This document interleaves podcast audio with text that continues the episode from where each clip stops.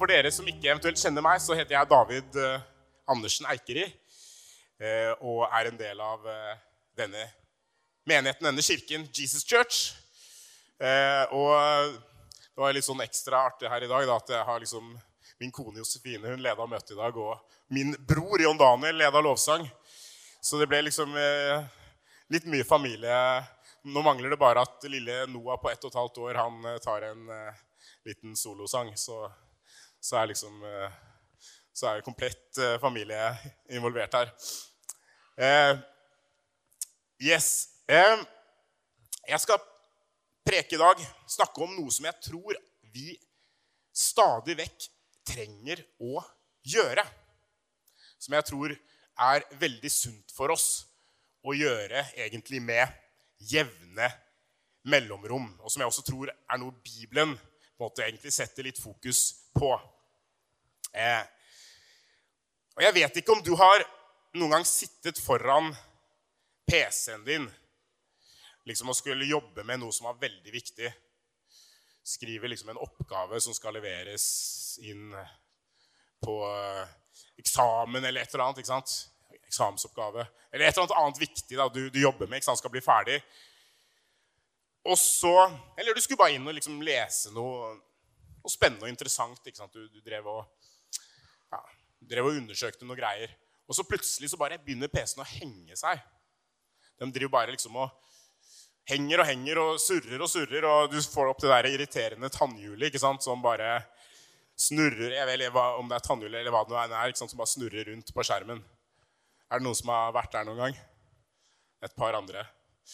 Eh, du bare kjenner at ah, 'Jeg trenger ikke dette her akkurat nå.' Eh, bare sånn helt ut av det blå så skjærer det seg. Og PC-en vil ikke respondere. Eh, og det skjedde faktisk her om dagen. Jeg skulle bare inn på PC-en og, og sjekke noen greier. Eh, og plutselig så ville ikke PC-en koble seg til Internett. Det var bare, det var bare liksom Bom stopp. Eh, sånn helt ut av det blå. Den der knappen ikke sant, 'koble til' den responderte ikke. Den var liksom bare sånn grå feida. Så det gikk liksom ikke an å trykke på den. Og det fungerte jo helt utmerket bare noen timer tidligere. Så liksom What? Hva er det som uh, Hva er det som skjer, liksom? Eh, nei, det gikk ikke an. Det var ikke mulig å komme inn. Men da kom jeg på en ting som jeg har lært av noen sånne datafolk, noen sånne datageeks, som har peiling på, på liksom den biten der.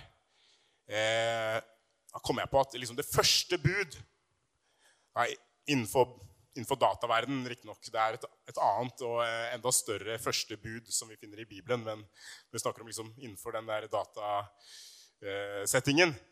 Det er å restarte PC-en.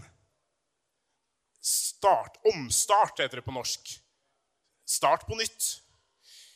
Eh, og da prøvde jeg det. Da tok jeg liksom bare og kryssa ut, og så bare omstart eller restart.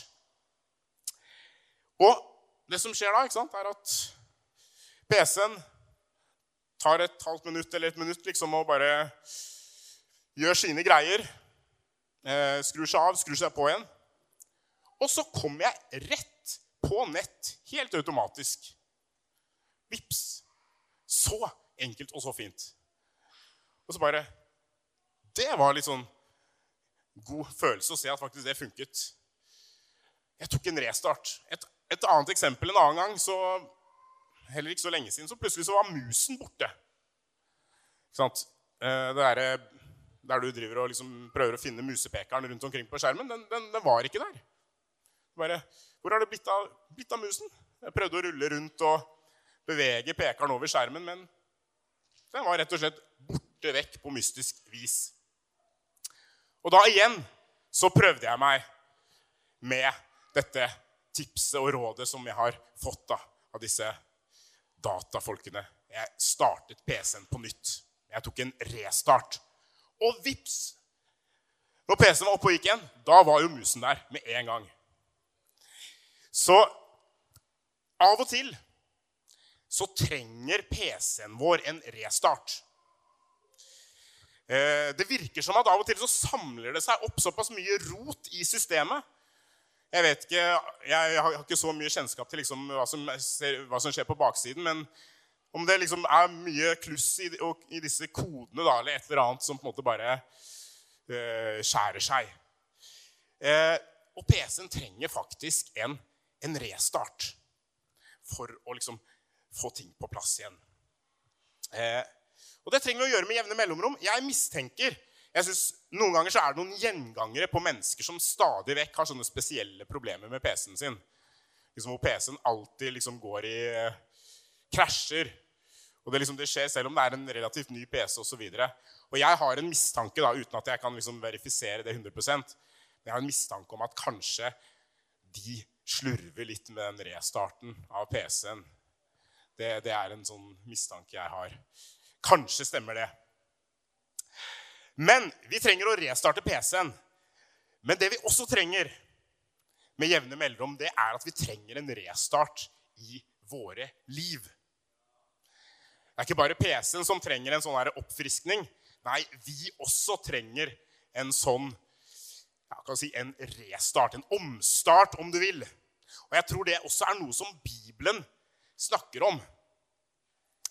Jeg tror at det kan samle seg opp gjennom livet, gjennom dagene, så kan det samle seg opp mye virvar og rot i våre liv. Jeg vet ikke om noen har vært der. Jeg har vært der selv, i hvert fall.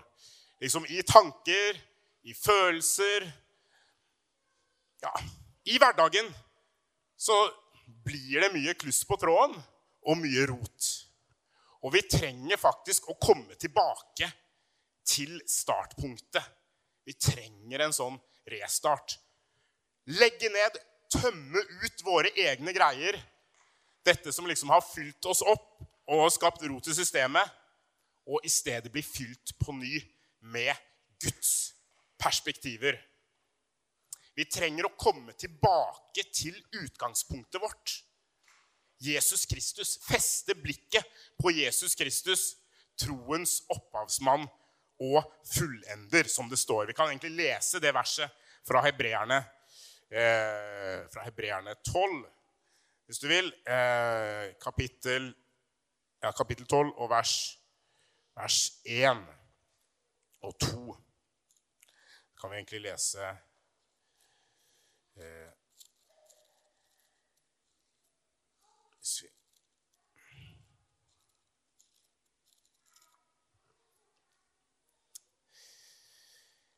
det står fra vers 1. Så la oss derfor, da vi har en så stor sky av vitner omkring oss, legge av alt som tynger.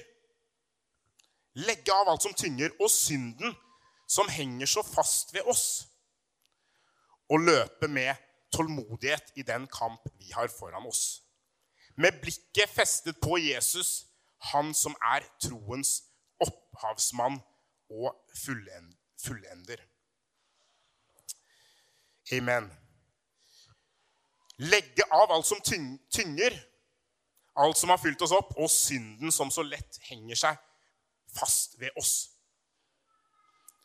Med blikket festet på Jesus. Med andre ord, egentlig, liksom med datatermer, så kunne vi sagt vi trenger en restart. Vi trenger å legge noe ned og feste blikket igjen på Jesus.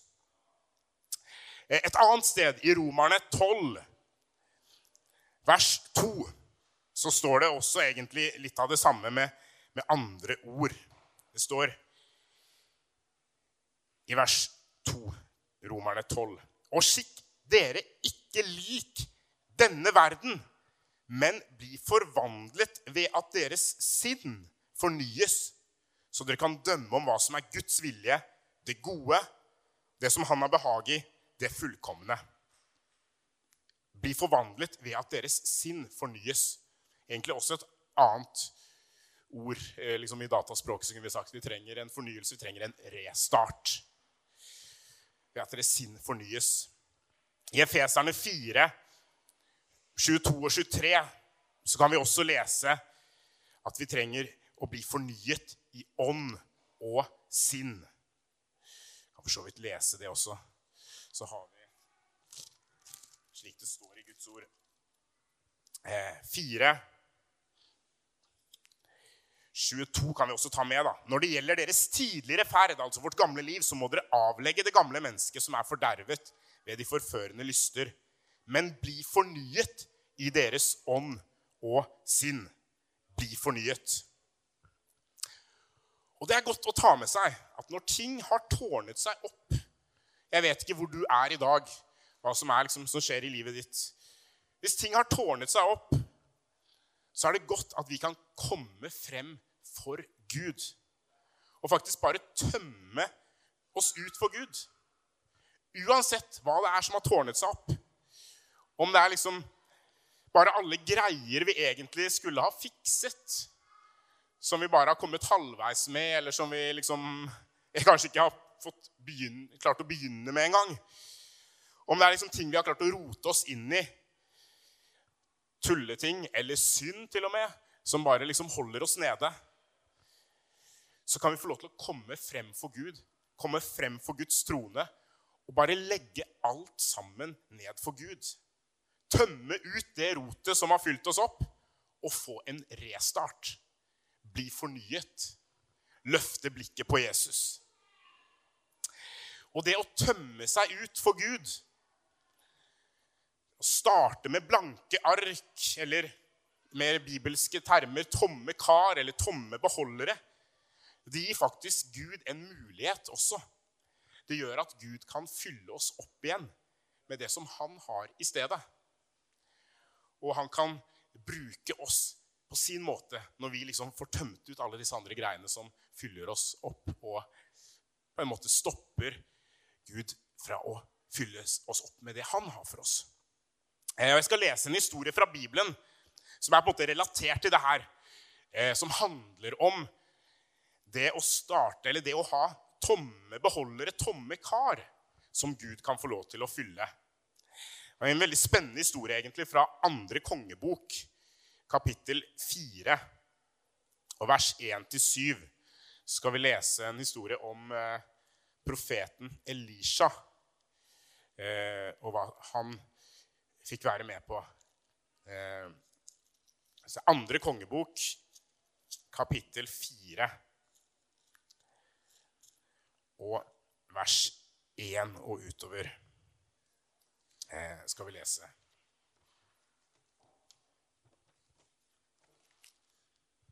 Eh, en kvinne, hustru til en av profetenes disipler, ropte til Elisha. Elisha var jo da en profet, som, sikkert, som du sikkert kjenner til.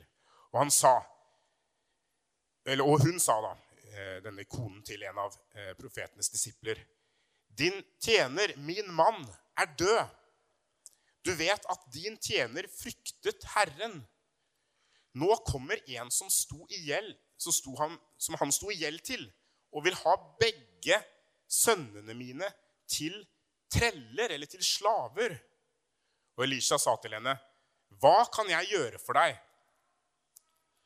'Si meg, hva har du i huset?' Hun svarte, 'Din tjenestekvinne har ikke annet i huset enn en krukke med salveolje.' Det var alt hun hadde. Da sa han, 'Gå til alle dine naboer og be om å få låne hjem noen tomme kar.' Bare ikke for få. Gå så inn og lukk døren etter deg og sønnene dine, og hell oljen i alle karene. Etter hvert som de blir fulle, skal du sette dem bort. Så, gikk, så hun gikk fra ham, lukket døren etter seg og sine sønner, og de bar disse karene frem til henne, og hun helte i. Da karene var fulle, sa hun til sin sønn, Bær fram enda et kar til meg. Men han svarte, det er ikke flere kar. Da stanset oljen. Så kom hun og fortalte det til Guds mann, og han sa, gå og selg oljen og betal din gjeld, så kan du og dine sønner leve av det som blir til overs. Yes. Veldig interessant historie her fra Bibelen. Det skjer jo et fantastisk under egentlig her, hvordan denne kvinnen hun har bare én liten krukke med olje igjen i huset. Og etter hvert som hun heller denne oljen opp i de tomme karene som er utplassert, så bare kommer det mer olje. Et utrolig under egentlig som, som skjer. Eh, og egentlig mange ting vi kan trekke ut av denne, denne teksten her. Eh, mange, mange, poenger, for så vidt. Et poeng, da, som eh, for eksempel, det er jo det at hun eh, han, Profeten spør jo denne kvinnen eh, hva har du i huset? Hun hadde denne krukken med olje. Og Sånn kan det være tror jeg, noen ganger at Gud spør oss. Vi har ikke mye. Hun hadde egentlig ingenting. Men hva har du i huset? Jo, jeg har en krukke olje. Jeg har noe. Og fint, bruk det. Og så bruker hun den oljen som hun har, og så velsigner Gud det. Så det blir faktisk mer, og det blir mer, og det blir mye mer. Og sånn kan også Gud bruke på en måte det lille som vi har, og velsigne det til at det blir til noe kjempestort og mektig. Eh, et eksempel på, på noen som, har, som, jeg føler har gjort dette her det er, Vi har noen gode venner, eh, jeg og Josefine, min kone, i India som heter Tapas og Babita. Eh, fantastisk ektepar som bare har et hjerte hvor de ønsker å tjene Gud og nå ut med evangeliet i, eh, i, i, på det stedet hvor de bor i India. Eh, men de hadde ikke mange ressurser når de startet. Nei, De leide en liten, eh, en liten leilighet. Da snakker vi ikke om eh, Oslo-størrelse på leiligheten, da snakker vi om India-størrelse på leiligheten. Men de hadde, hadde en, en, liten stue da, på ja, noen kvadratmeter, 12 kvadratmeter kanskje, 12-15 kvadratmeter. Eh, men de hadde et ønske om å gjøre, utbre evangeliet, nå ut med evangeliet og gjøre godt for samfunnet. Og så en mulighet til å gjøre det var gjennom å ha skole for barn som ellers ikke gikk på skole, eller som ikke hadde noen bra skole å gå til. Så det de gjorde, det var at de startet med skole i, sitt, i sin lille stue. De brukte det de hadde det lille rommet og fylte det opp med skolebarn som fikk undervisning, og sånn sett kunne få bedre muligheter for fremtiden. Eh, så de brukte det lille de hadde. Og så er det jo på en måte et fantastisk bønnesvar, føler jeg egentlig, at eh, Josefine hun møtte dem når hun var ute på misjon. Og så fikk de en god kobling, og så har vi kunnet få være med og samle inn litt penger her fra Norge.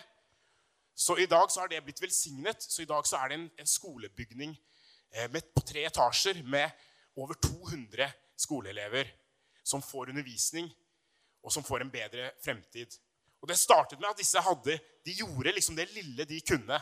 Og så har Gud fått lov til å velsigne det og utøke det. Og vi tror at det skal få lov til å vokse og bli enda større, det, det arbeidet som de er med på der. Så det lille vi har, det kan faktisk Gud bruke hvis vi på en måte eh, gir han mulighet til det. Og så kan det bli til velsignelse som går langt utover egentlig eh, det det ser ut til.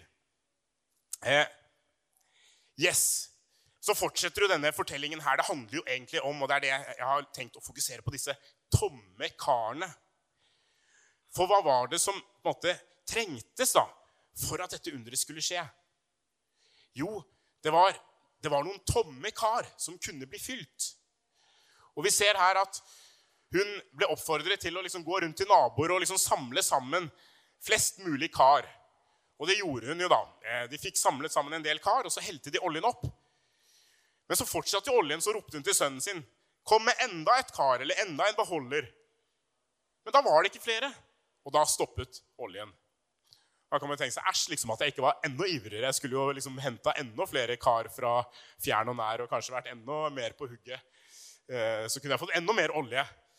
Eh, men det sier noe om at faktisk, der hvor det er tomme kar, det kan Gud fylle. Det kan Gud fylle. Eh, hell oljen i karene. Og hvis våre kar, hvis våre liv er fullt med alt mulig annet, rot og virvar, så er det kanskje ikke plass til så mye mer olje eller så mye som Gud kan fylle. Så Derfor tror jeg også at det er et, et, et eh, punkt i forhold til det å få en restart. Tømme oss ut, sånn at Gud kan fylle oss opp med det han har. Uh, yes. Ja, vi, vi, vi, har så mye rart som vi kan fylle karene våre med. Det kan være alt fra bekymring, bekymring for smått eller stort. Det kan være stress.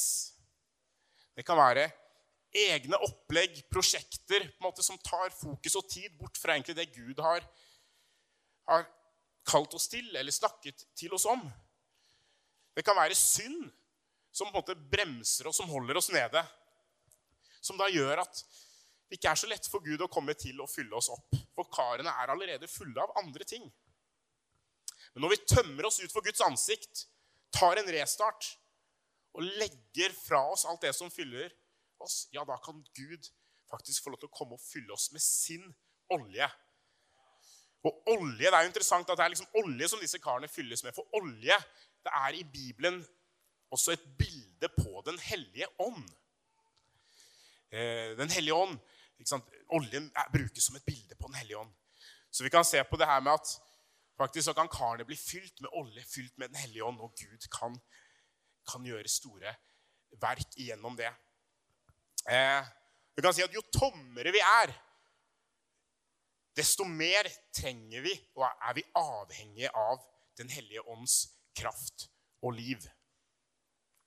Og det blir sagt egentlig Hvis du ser liksom på kirkehistorien, på den første kristne kirke, at den, den, den, disiplene til Jesus og de som fulgte etter dem Og vi ser hvordan kristendommen bryter frem i Romerriket helt på begynnelsen av eh, år 100, år 200 osv. At det kirken var avhengig av, det var Den hellige ånd. De hadde ikke så mye annet. Hadde ikke penger og makt og posisjon i samfunnet. Nei, Det var en forfulgt minoritet som faktisk var helt avhengig av Den hellige ånds kraft. Hvor vi ser at Den hellige ånds kraft var i funksjon. Så når Kirken etter hvert i løpet av et par hundre år kommer i posisjon i samfunnet, blir på en måte en maktfaktor. Liksom hvor, hvor egentlig makt og penger og politikk er viktige sider hos Kirken, så ser vi at Kirken også begynner å miste fokus. Den er ikke like avhengig kanskje av Den hellige ånd. Den er fylt med andre ting som står i veien.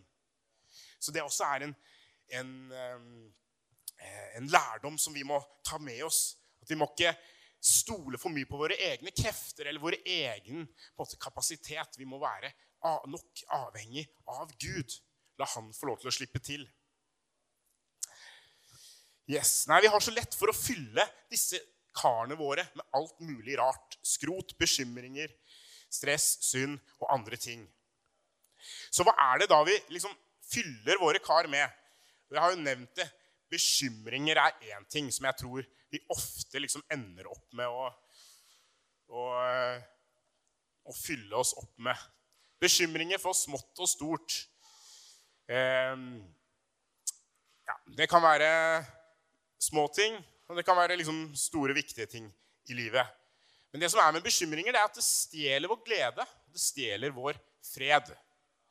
Og faktisk så hjelper det oss egentlig ingenting for ofte så vil vi oppleve at nei, det var faktisk ingenting å bekymre seg over. Det løste seg veldig greit likevel. Da har vi jo wasta en del tid bare på liksom å kverne rundt med all bekymring rundt noe som ikke ble noe farlig i det hele tatt. Eller hvis det er på en måte vanskeligheter som oppstår, så vil det heller ikke hjelpe å ha kvernet rundt på det på forhånd. Da får vi heller på en måte prøve å møte disse sakene med løsningsevne. Jesus han har noe fornuftig å si om det med, med bekymringer. I bergprekenen i Matteus 6 og vers 25 og utover så sier Jesus noe om, om det å bekymre seg. Eh, skal vi se her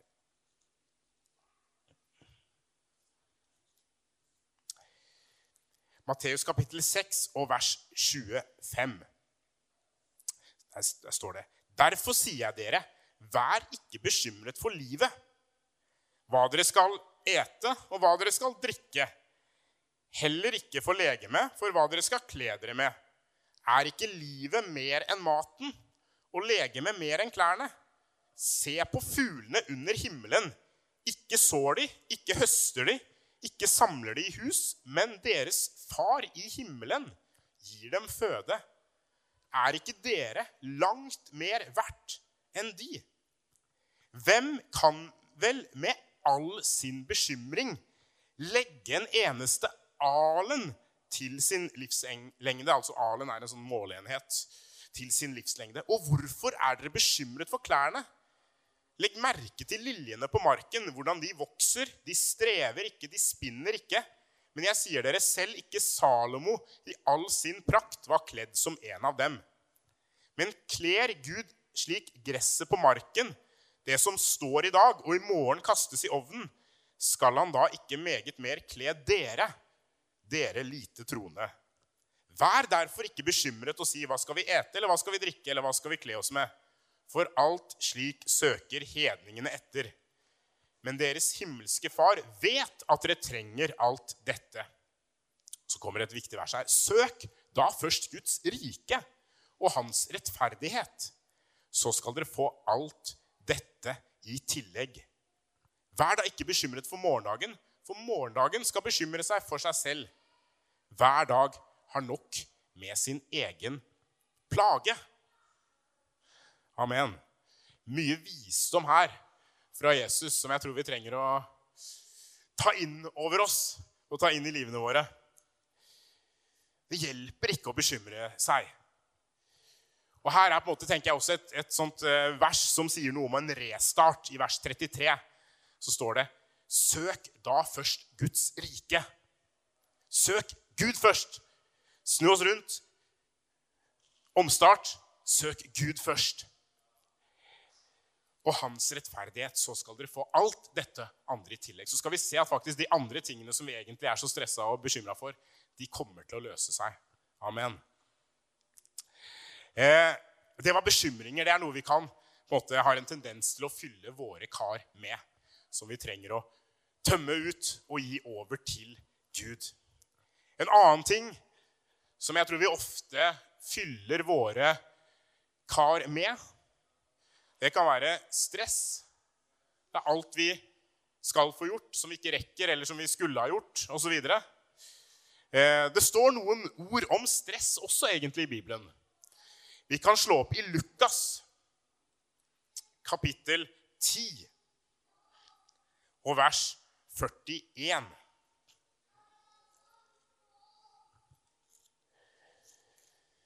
Skal vi se her Lukas 10 og vers 41. Ja, Det handler om Jesus han er på besøk hos Martha og Maria.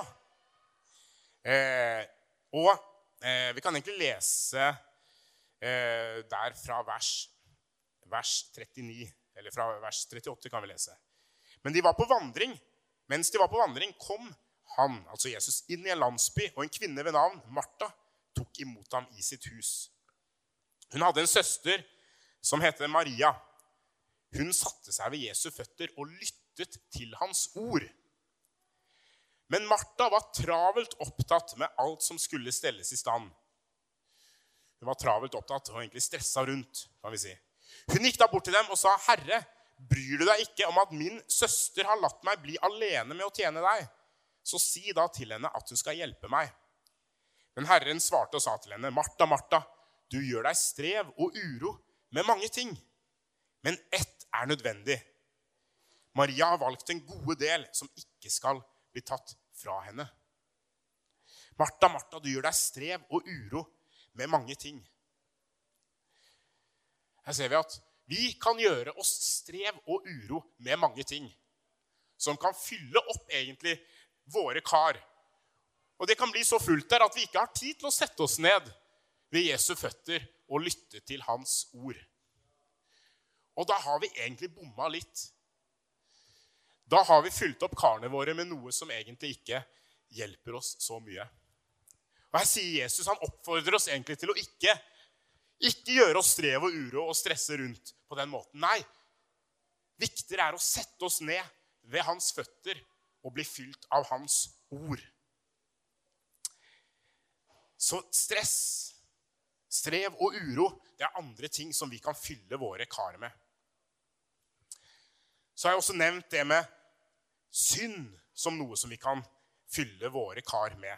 Og Vi leste egentlig dette allerede i Hebreerne 12 og vers 2. At, eh, eller 12 og vers, vers 1-2. At siden vi har en så stor sky av vitner omkring oss, la oss legge av alt som tynger, og synden som henger så fast ved oss, og løpe med tålmodighet i den kamp vi har foran oss, med blikket festet på Jesus. Og Det er også ting som på en måte kan ja, som vi kan rote oss inn i. Synd av ulikt slag.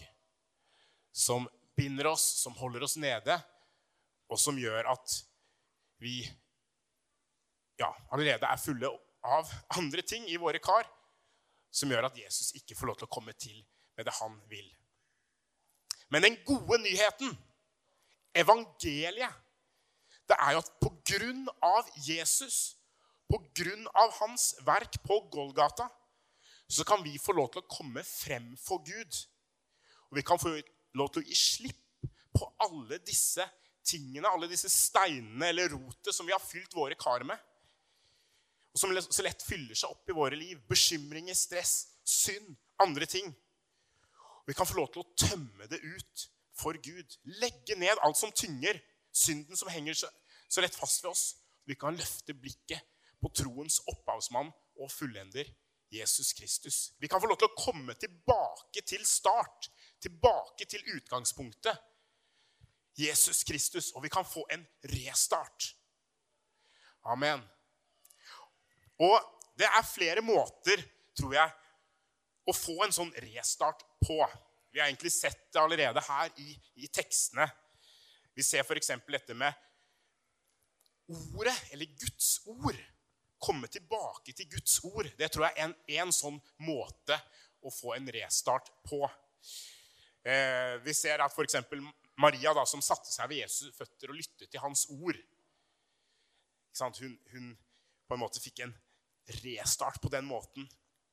Eh, blant, et annet sted, i Feserne 5.26, så står det egentlig om at eh, ja, dere menn, dere skal elske deres hustruer like som Kristus elsket menigheten og ga seg selv for den.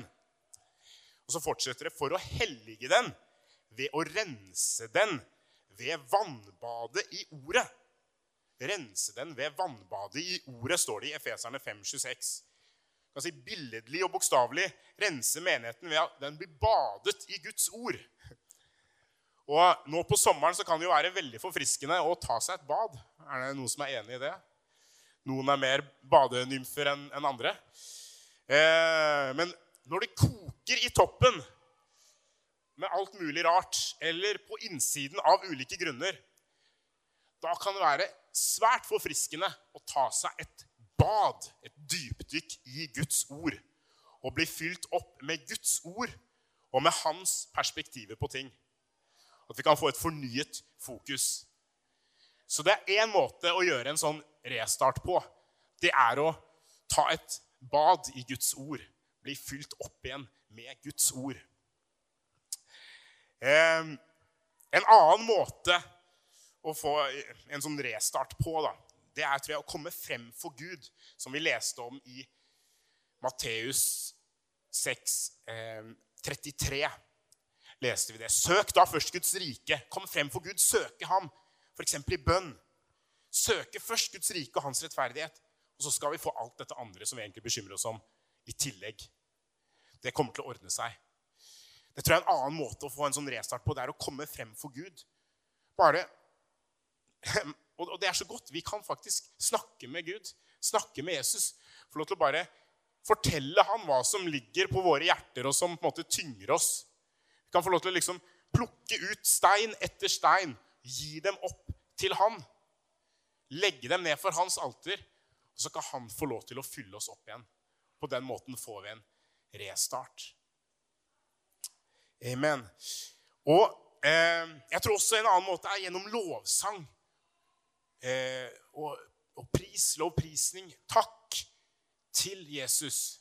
At det også er en måte å få et sånt fornyet fokus. Når vi løfter blikket på han og ser hans storhet, da blir ofte våre problemer så mye mindre.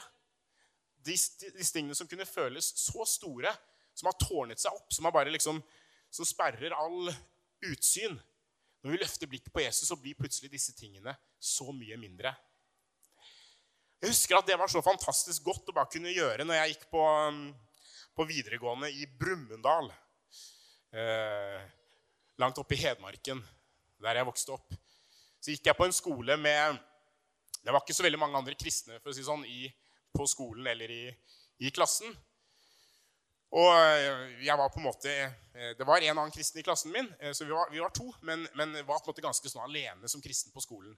Og man ble ofte liksom ja, fylt med mye rart i løpet av en dag. Liksom. Det var mye, mye, greier som man måtte forholde seg til.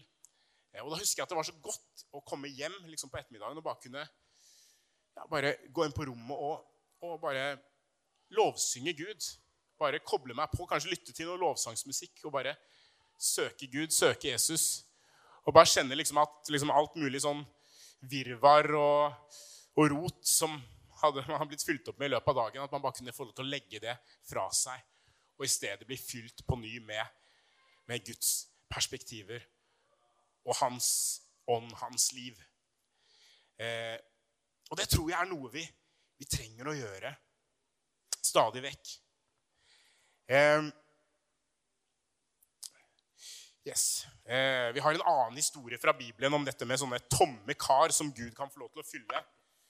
Uh, dere kjenner kanskje til den fra det første tegn som Jesus gjør. Han gjør, gjør dette mirakelet, gjør vann til vin. Da ber han disse tjenerne om å sette frem renselseskarene som da var tomme, og fylle dem opp med vann disse tomme karene blir båret frem, så blir de fylt opp. Og så kan Jesus få lov til å gjøre et mirakel, gjøre et under ut fra det. Så igjen dette med tomme kar. Men det største eksempelet vi har på det med å måtte tømme ut seg selv, det er Jesus Kristus. Han, vårt største, han er vårt største forbilde og eksempel på nettopp dette. For hva var det Jesus faktisk gjorde? Jo, vi må lese fra Filipperne kapittel 2 og vers 6.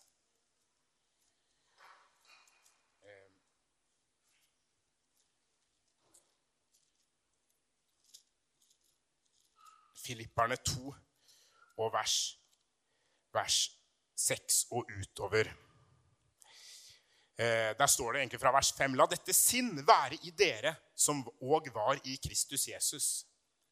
Han som da var i Guds skikkelse, ikke holdt det for et røvet bytte, står det her, å være Gud lik, men gav avkall på det og tok en tjeners skikkelse på seg da han kom i menneskers lignelse, og da han i sin ferd var funnet som et menneske og fornedret han seg selv og ble lydig til døden, ja, døden på korset. Jesus gav avkall på seg selv. Det greske ordet egentlig som, som, som står her, eh, det, det, er på gresk 'kenose', som betyr uttømmelse.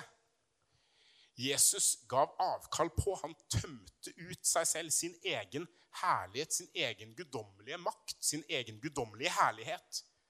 Det tømte Jesus ut og tok på seg en tjeners skikkelse. Eh, og Vi har på en måte et sånt teologisk ord for nettopp dette. Kenose er på en måte et sånt aspekt. At Jesus faktisk han valgte å kle av seg sin himmelske prakt, sin himmelske herlighet, og steg ned på jorden som et menneske.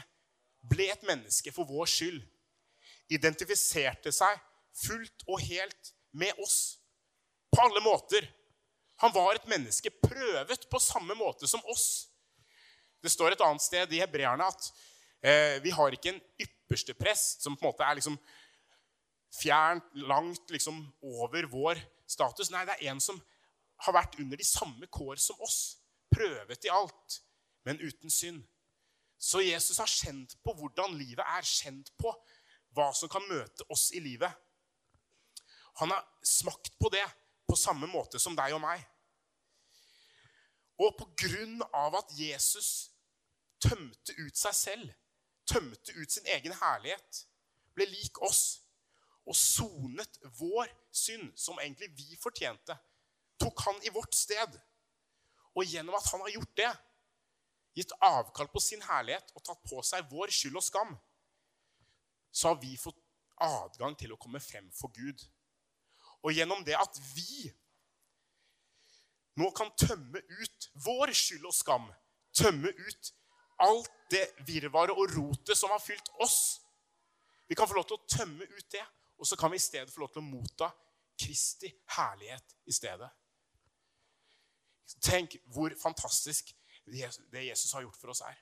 Og han har gjort dette slik at vi kan få lov til å bli kvitt alt dette rotet og ta imot hans nåde, hans fred, hans gode gaver, hans herlighet. Amen.